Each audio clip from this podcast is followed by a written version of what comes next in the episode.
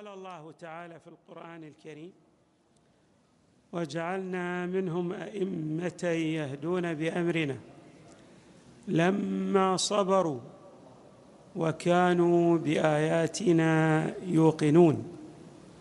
صدق الله العلي العظيم. إمامنا العسكري عليه السلام قام بأدوار مختلفة.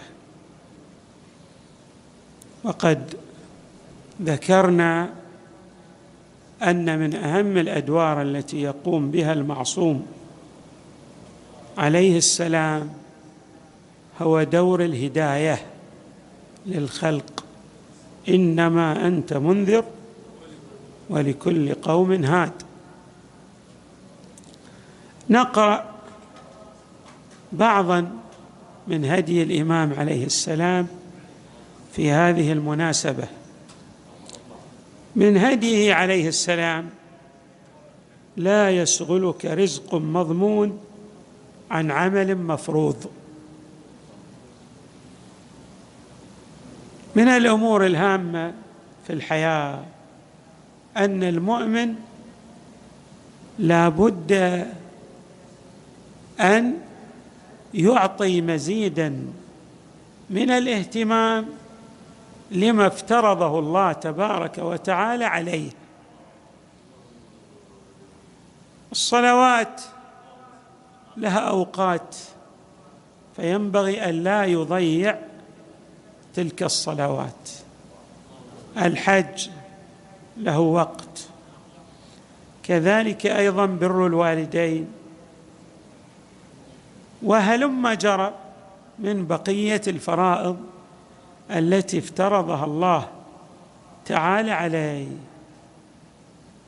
بعض الناس قد يشتغل برزقه بمعنى يقدم كسبه على ما افترضه الله تعالى عليه. مثلا إذا وجب عليه الحاج يسوف في أدائه. أيضا لا يؤدي الفرائض في أوقاتها بحجة أنه مشغول برزقه. الأمر ليس كذلك. الإمام العسكري عليه السلام يعطينا حكمة. هذه الحكمة تقول إن الرزق قد ضمنه الله. قال الله تعالى وفي السماء رزقكم وما توعدون فورب السماء والأرض إنه لحق مثل ما أنكم تنطقون. الرزق ماذا؟ من الأمور التي ضمنها الله تبارك وتعالى للعباد. فلا ينبغي للعبد أن يقدم الرزق المضمون بحجة أنه يعني يسعى خلف رزقه. الرزق يحبذ للإنسان أن يسعى خلف رزقه ولكن ضمن أطر وقوانين لا يقدم فيها المهم على الأهم. الأهم هو أداء ما افترضه الله تبارك وتعالى عليه. لا يؤخر فرائض الله. إن جاء إن وجب عليه الحاج اداه من الأمور أيضا أنه قد يتطلب منه أحد أبويه يطلب منه شيئا فيتشاغل عن ذلك مع أن الطاعة للوالدين في بعض الأمور تكون واجبة كأداء الصلاة. فهذا كما نعبر يتماهل. يسوف في طاعته لوالدي لوالديه أو في أدائه لحقهما عليه بحجة انشغاله بطلب رزقه. الإمام يقول لا يشغلك. رزق مضمون عن عمل مفروض. أدي ما افترضه الله تبارك وتعالى عليك ومن ثم اشتغل برزقك. أحد العلماء يقول إن حجة يعني الإنسان يتماهل كما نعبر بحجة طلبه للرزق هذا لا ينتهي. ولذلك يقع في كثير من المحاذير. بالخصوص من يشتغل بالتجارة طبعا. من يشتغل بالتجارة يقع في هكذا ابتلاءات. أي اللي ممكن يشتغل في الوظيفة قلما يقع في هكذا ابتلاءات. لكن الذين يشتغلون بالتجارة هذا بالنسبة إليهم مورد ماذا؟ ابتلاء من الله تبارك وتعالى. من هدي الإمام عليه السلام يقول لا يعرف النعمة إلا الشاكر. من يدرك عظمة هذه النعم التي أنعم الله تعالى بها علينا؟ من يدرك؟ الإمام يقول الشاكر. لماذا الإمام يعبر بالشاكر؟ هذا نسميه تعبير باللازم وإرادة الملزوم كما يشير إليه الشق الثاني. يعني في الحقيقة من الذي يشكر؟ هو الذي يعرف النعمة. فالذي يشكر النعمة هو ماذا؟ يعرف المنعم.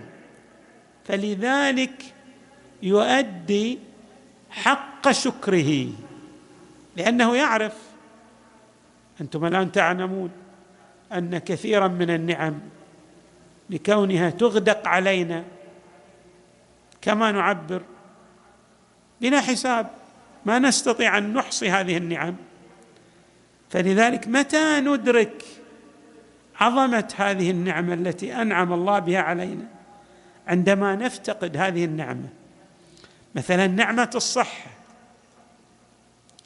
وما أدراك ما نعمة الصحة؟ هناك نعم كثيرة.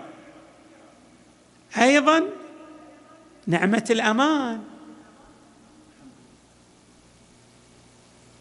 كثير من النعم لا يلتفت إليها الإنسان الا ما إلا عندما يصاب بالتأثر في تلك النعمة. بعض الناس تشوفه في رغد من العيش. ولكن سبحان الله تصطك الأمور عليه وتصطلم به الخطوب فيدرك ذلك الرغد من العيش الذي كان في بحبوحته ولكن ولا حين مندم ذهب عليه. الإمام في هذا يحض على شكر هذه النعم. ويقول من يعرف النعم هو الذي يشكرها. والنعم سريعة الزوال. إذا لم تشكر وطبعا شكر النعمة ليس فقط بأن يقول العبد الشكر لك يا رب يا رب العالمين. هذا نحو من الشكر. ولكنه شكر باللسان.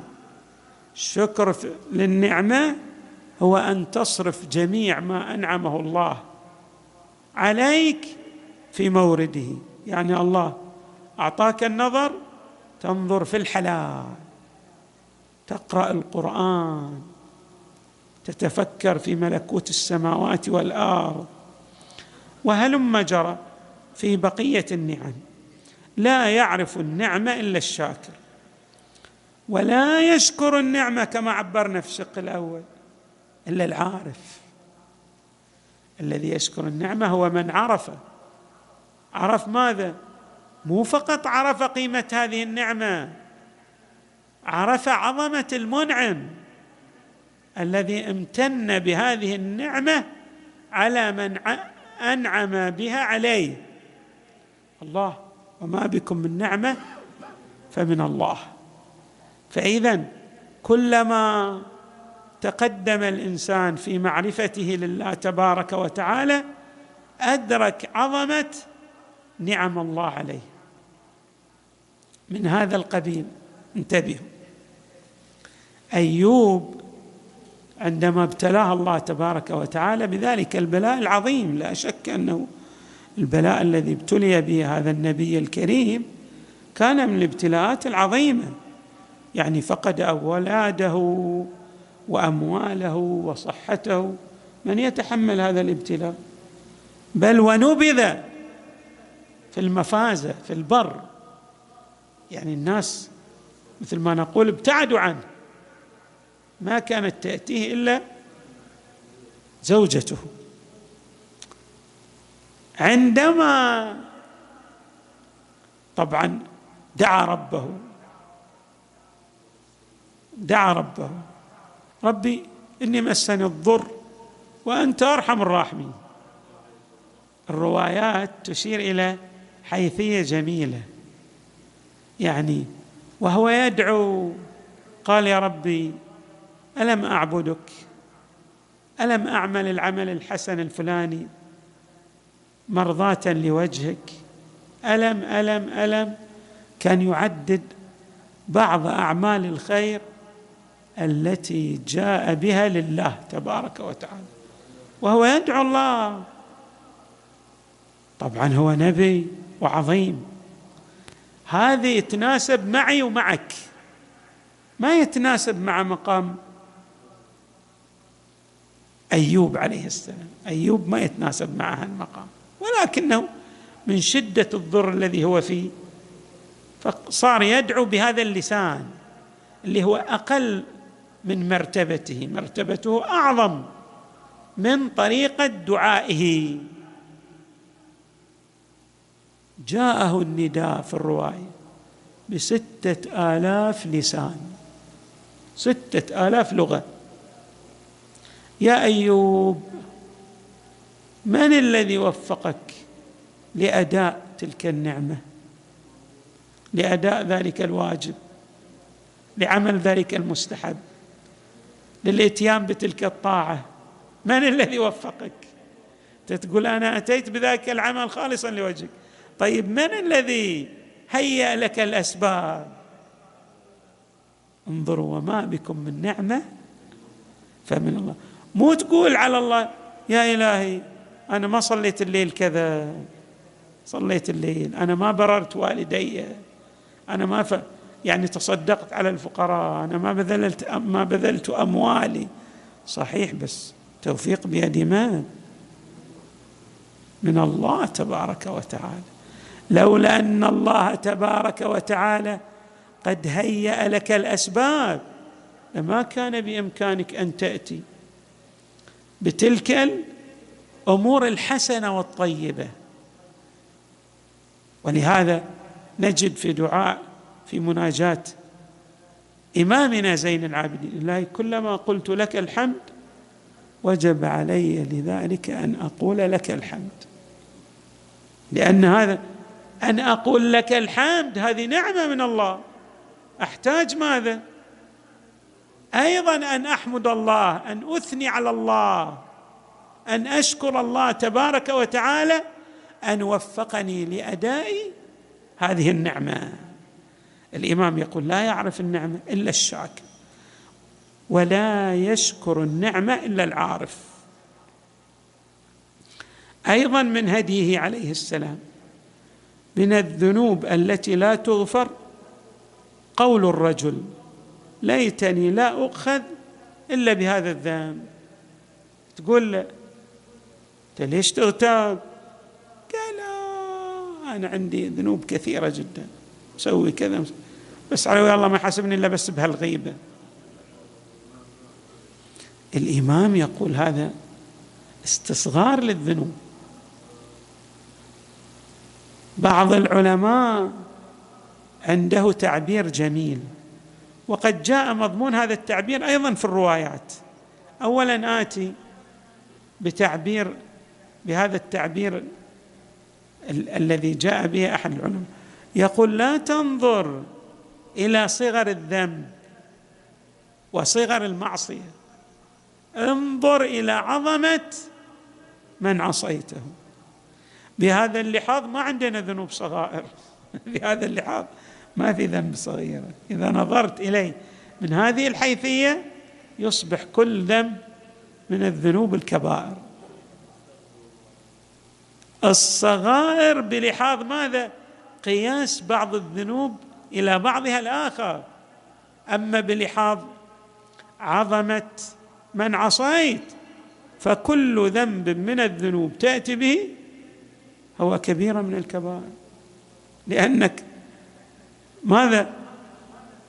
تكون في تضاد مع إرادة جبار السماوات والأرض. الإمام عليه السلام اذا ينبه ينبه المؤمن على هذا الأمر وهو تنبيه جد رائع فيقول لا تقل ليتني لم أؤخذ أو لا أؤاخذ إلا بهذا الذنب. كأنك تستصغر الذنب من ناحية. وبالتالي الإنسان إذا استصغر الذنب هذا راح يسدر في ذنب أكبر منه. لا تستصغر ما صدر منك من ذنوب. وعليك أن تلهج بكثرة الاستغفار والدعاء. لله تبارك وتعالى أن يتوب عليك وأن يتغمدك بواسع مغفرته وعفوه ورضوانه. لا تقول ليتني لا أؤخذ إلا بهذا الذنب. بعضهم يعني يقول ليتني لا أؤخذ إلا بهذا الذنب وأيضا في باله يدور في خلده أن يعني الله سيغفر لي هذا الذنب لأن مجرد يعني ذنب لو قيس ببقية الذنوب سيكون ماذا؟ يعني لا قيمة له. لا. حتى بهذا اللحاظ لا تنظر إلى أي ذنب صدر منك بهذه الحيثية. بل ارفع يديك ضارعا إلى الله تبارك وتعالى مبتهلا إليه متوجها بكل وجودك إلى عظمته طالبا منه العفو والمغفرة وأن يتوب عليك إنه هو التواب الرحيم. اذا لاحظوا هذا الهدي الجميل.